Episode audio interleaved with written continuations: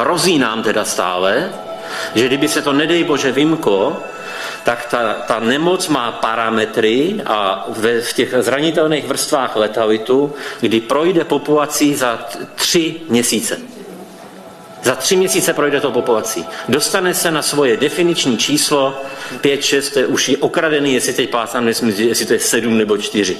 Dostane se tam a pak už ji nikdo nezastaví a prorazí ty, ty zranitelné vrstvy obyvatel a, a pak se to zase všechno vrátí do normálu. Ředitel Ústavu zdravotnických informací a statistiky Ladislav Dušek nabídnul nebývale otevřený pohled na šíření nákazy koronavirem.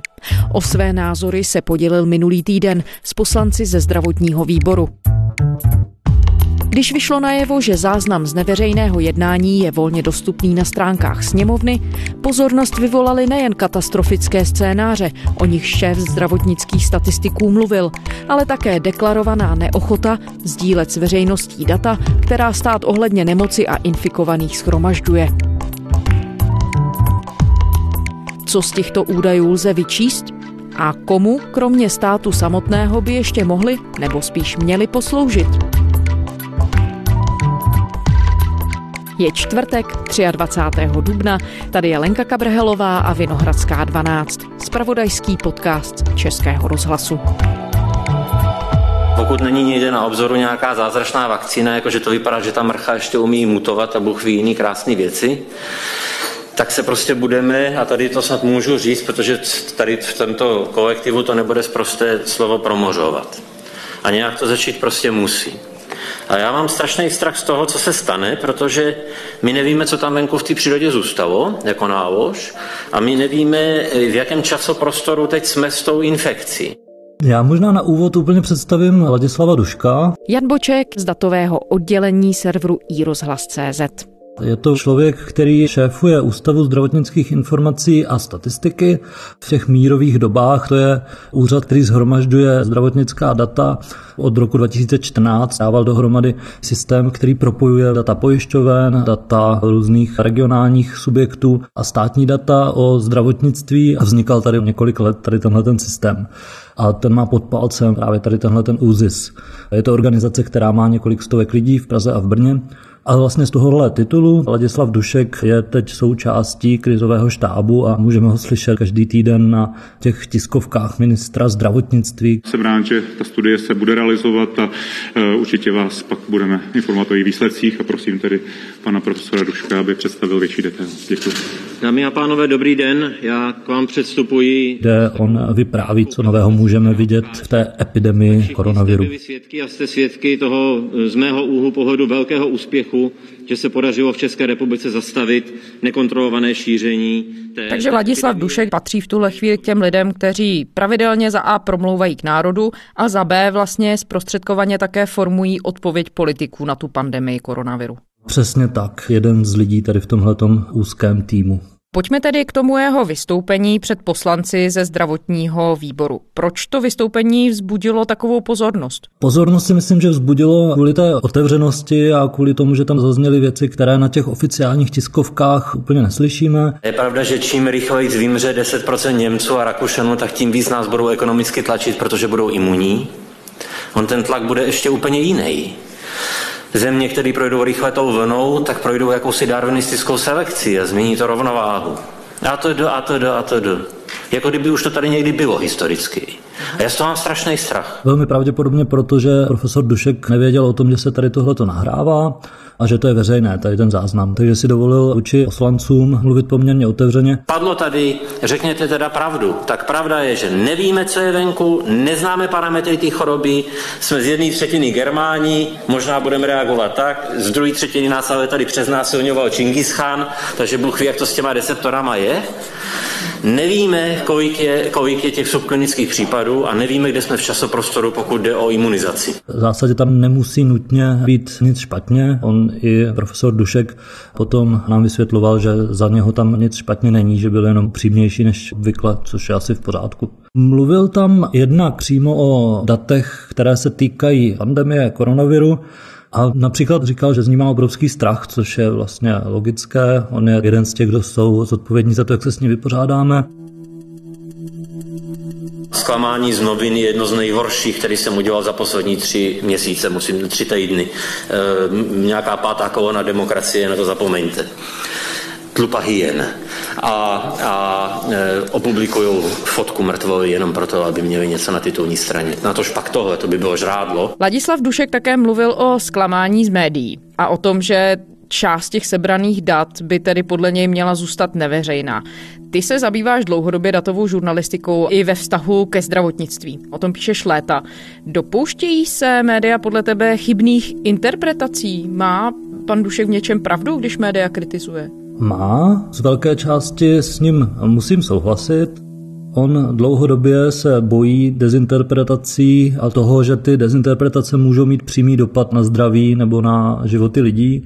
Řeknu příklad, který on sám mi vykládal, když jsme s ním natáčeli loni v listopadu. V okamžiku, kdy oni dají například veřejnosti k dispozici data o úspěšnosti nějaké třeba operace srdce, tak první, co udělají média, tak udělají žebříček, ve kterém špitálu ty operace jsou úspěšnější, ve kterém méně úspěšné a tím pádem veřejnost na to logicky zareaguje tak, že se bude snažit dostat do toho špitálu, kde ty operace jsou úspěšnější. Ve skutečnosti ve hře spousta dalších faktorů, například to, že tam, kde ty operace mají menší úspěšnost, tak je to velmi často proto, že se tam dostávají těžší případy a tak dál. Takže tady je spousta možností a u většiny zdravotnických dat ta interpretace je za roh nebo za dva rohy a není to zkrátka na jedno odpoledne se v těch datech vyznat a pochopit je.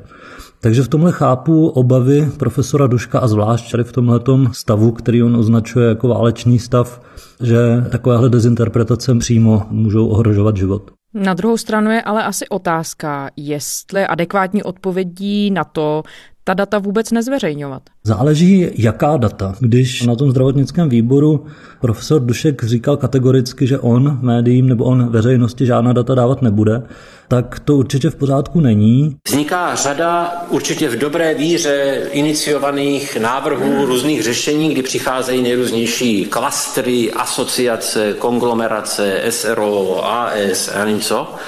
A říkají, teď právě umírá svět a my ho umíme zachránit.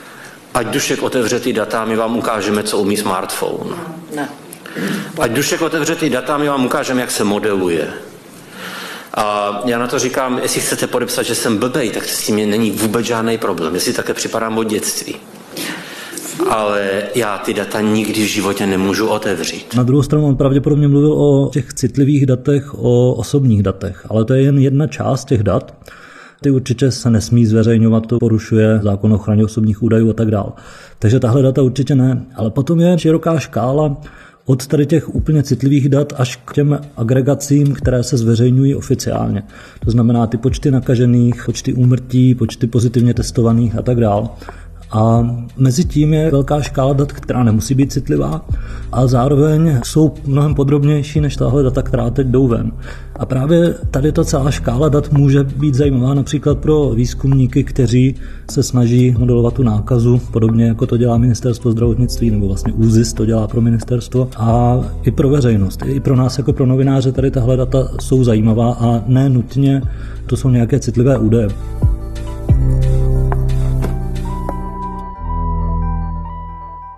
Když řeknu jeden příklad, kde se to vlastně láme, to jsou data o počtu nakažených podle regionů.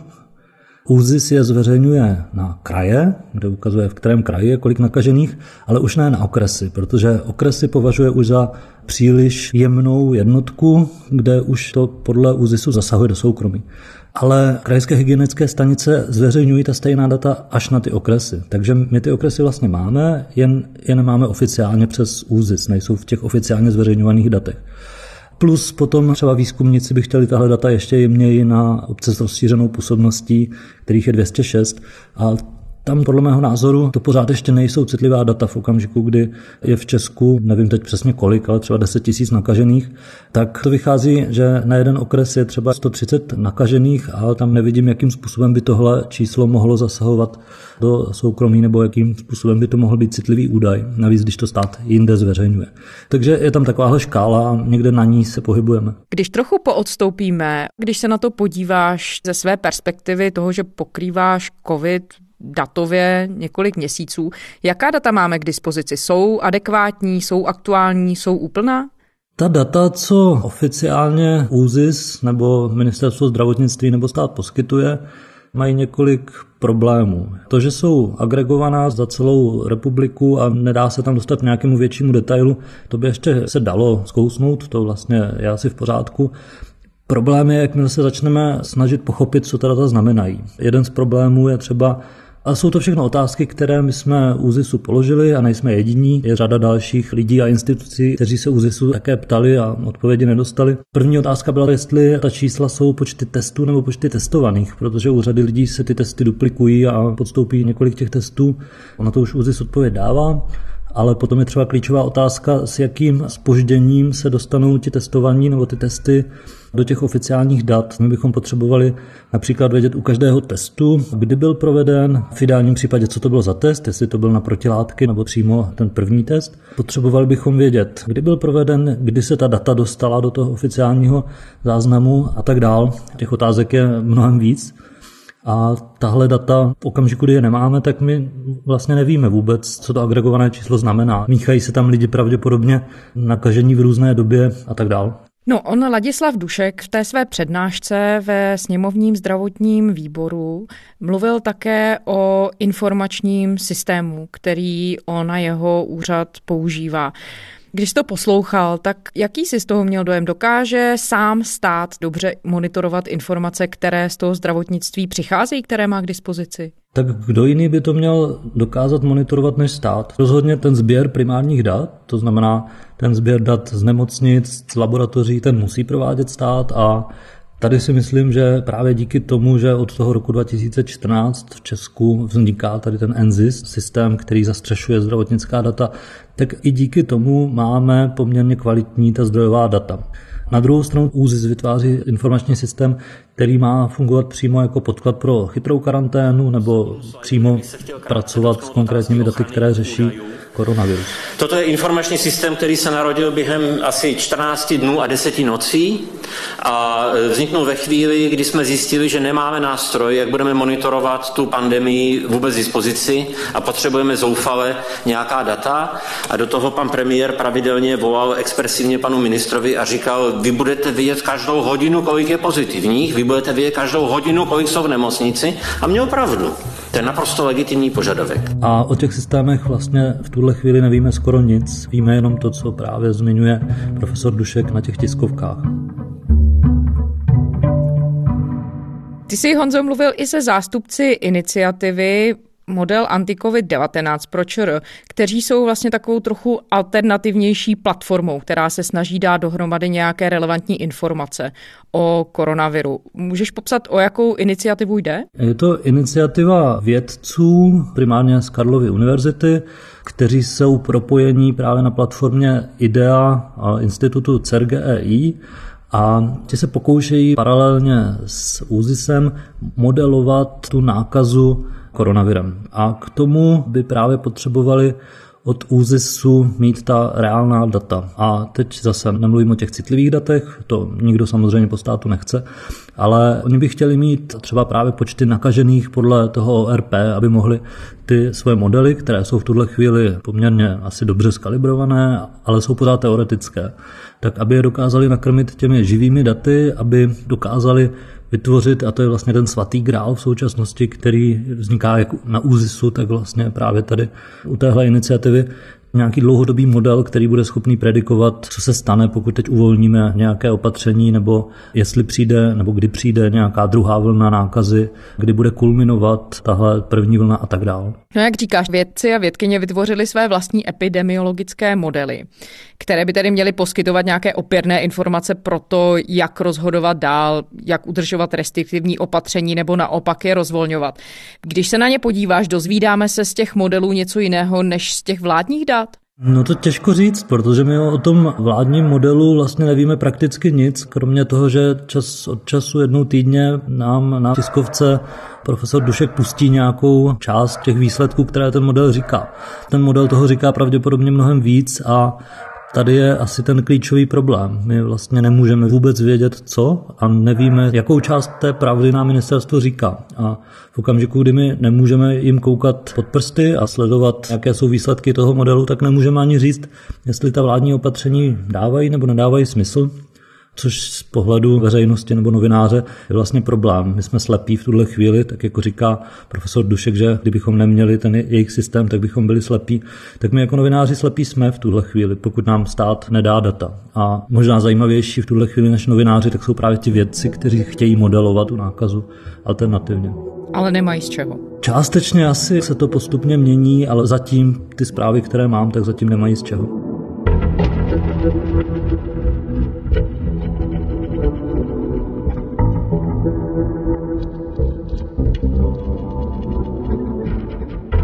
No on šéf zdravotnických statistiků Ladislav Dušek, když se vrátíme k tomu jeho vystoupení ve zdravotnickém výboru, vlastně mnohokrát zmiňuje, že tam říká pravdu, ale ještě také říká, a to si zmiňoval v úvodu, že má strach anebo že nemáme potřebná data, že vlastně o koronaviru nic nevíme. Není to překvapivý výrok od předsedy ústavu, kde se veškerá ta data právě mají zbíhat, který by ty údaje k dispozici mít měl? Pro mě to není překvapivé, protože právě s ÚZISem jsme už několikrát spolupracovali a profesor Dušek vlastně velmi zodpovědně se bojí, co může vyplynout z těch výstupů, které on má k dispozici, které by poskytly médiím, což je vlastně úplně správně. To, že má strach, to je úplně v pořádku. Co není v pořádku, nebo v čem se liší náš pohled na svět, je, že my si nemyslíme, že ideální řešení toho strachu je, že veřejnost nebude nic vědět a že se jí nebude nic říkat.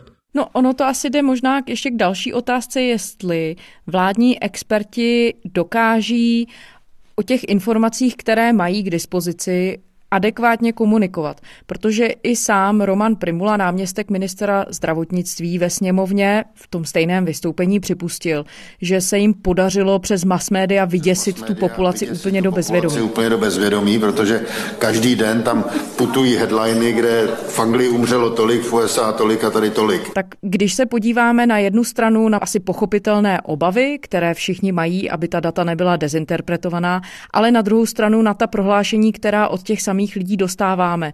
Jsou to skutečně informace nezabarvené něčím? Jsou to ta holá fakta, která bychom měli dostávat? Tak já myslím, že vyplývá vlastně z celého tady toho povídání, že holá fakta to nejsou ani nemůžou být u tady těch dat nebo u jakýchkoliv dat, jde vždycky o interpretaci.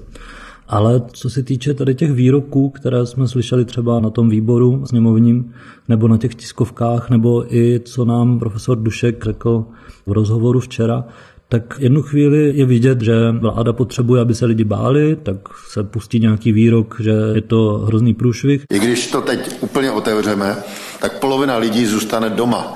Někteří ty důchodci se tak bojí, že prostě nevylezou, i když teď stokrát řekneme, aby někam šli to je reálný problém a uvidíme, jak se ta společnost bude, bude vůbec vyvíjet. Potom potřebuje podpořit, nevím, jestli podpořit ekonomiku je ten správný výraz, ale potřebuje, aby se lidi báli méně, takže se pustí zase nějaká jiná informace nebo jiná interpretace. Jde nám o rozvolnění toho režimu na hranicích, jde nám o to, abychom zbytečně přísným režimem nebránili eh, ekonomickým aktivitám. A tady ta hra podle mě není úplně v pořádku, kdy my se vlastně dozvídáme nějakou část pravdy podle toho, jakou zrovna bychom se měli dozvídat, aniž bychom si sami mohli ty informace nějak ověřovat. Takže vlastně máme přehršel různých výstupů ale není úplně jisté, jestli máme dostatek relevantních informací, na jejich základě se můžeme rozhodovat. Tak nějak je to, no. UZIS má těch dat spoustu, ale my vlastně tím, že se k ním nedostaneme, tak netušíme, co znamenají ty věci, které nám zrovna říká, jakou část pravdy se dozvídáme. A tak to jsem vám chtěl jako říct, když tady zaznělo, že si lidi chtějí vybrat, tak eh, toto je ta pravda. Vy to nikde, jak řekl pan docent Svoboda, velmi hezky nepoužijete a neprodáte. Toho je samozřejmě na mikrofon nezdělitelné. I já jako chovatel koček jsem navštívil Hornbach v sobotu a zakoupil jsem všechno, co kočky potřebují na tři měsíce dopředu, protože čekám, že ho brzo zase někdo zakáže, někdo, kdo sedí vedle mě. A, a, a měl by, protože ty lidi jsou úplně blbí, oni fakt potřebují ten seriál s těma pohřbama.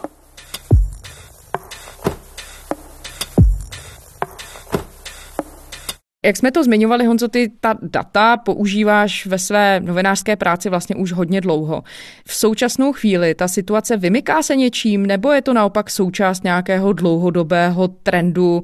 Je v České republice složité zdravotnická data získávat? Možná, že by se dalo říct si obecněji, že Česko a možná ještě obecněji země Vyšegrádu nebo východní Evropy mají poměrně dobré ty systémy pro sběr dat. My máme, nebo stát má velmi dobrá data a hrozně nerady ta data zveřejňují. Těch důvodů samozřejmě může být celá řada od toho, že úředníci nechtějí, aby se jim lidi koukali pod ruce, až po špatně udělané smlouvy, které jim ani často neumožňují zveřejňovat ta data.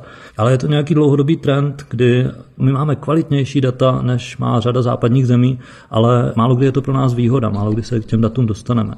Je to nějaký dlouhodobý trend, který pozorujeme, ta data si schovávat do šuplíku. Když třeba v roce 2010 zhruba se Česko začalo hlásit k iniciativám, které volaly po zveřejňování dat jako otevřená data, to znamená tom nejšikovnějším formátu a co nejotevřeněji, tak státní zpráva tvářila se, že reaguje, ale nic se nestalo. Téměř žádná data od té doby nezveřejnila nebo není toho moc. A v téhle konkrétní situaci vidíme, že to je součást nějakých dlouhodobějších trendů. Když se podíváme třeba na ten model, o kterém nevíme nic, ten, který má ÚZIS, to modelování nákazy, tak třeba na Slovensku je tady tenhle ten model veřejný.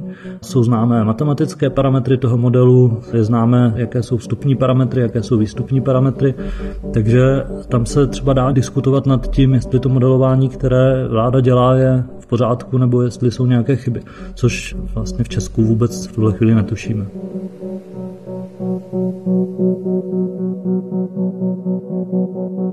Dá se říct, co tím jako společnost, my jako veřejnost ztratíme? Ztrácíme tím asi část kontroly nad tím, jak stát funguje. Ztrácíme tím spoustu ekonomických příležitostí, protože zveřejňování dat podporuje ekonomické příležitosti. Ztrácíme tím třeba nějakou důvěru ve stát, protože v okamžiku, kdy my víme, jaká data nám tají, nebo že nám nějaká data tají, tak se ptáme, proč nám je tají. Takže těch důsledků je samozřejmě spousta. Jan Boček, novinář z datového oddělení serveru iRozhlas.cz. Honzo, děkujeme. Díky, hezký den. A to je ze čtvrteční Vinohradské 12 vše. Kdykoliv jsme pro vás ve vašich oblíbených podcastových aplikacích, všechny naše díly najdete také na serveru iRozhlas.cz. A naše adresa vinohradská 12 zavináč rozhlas.cz. Těšíme se zítra.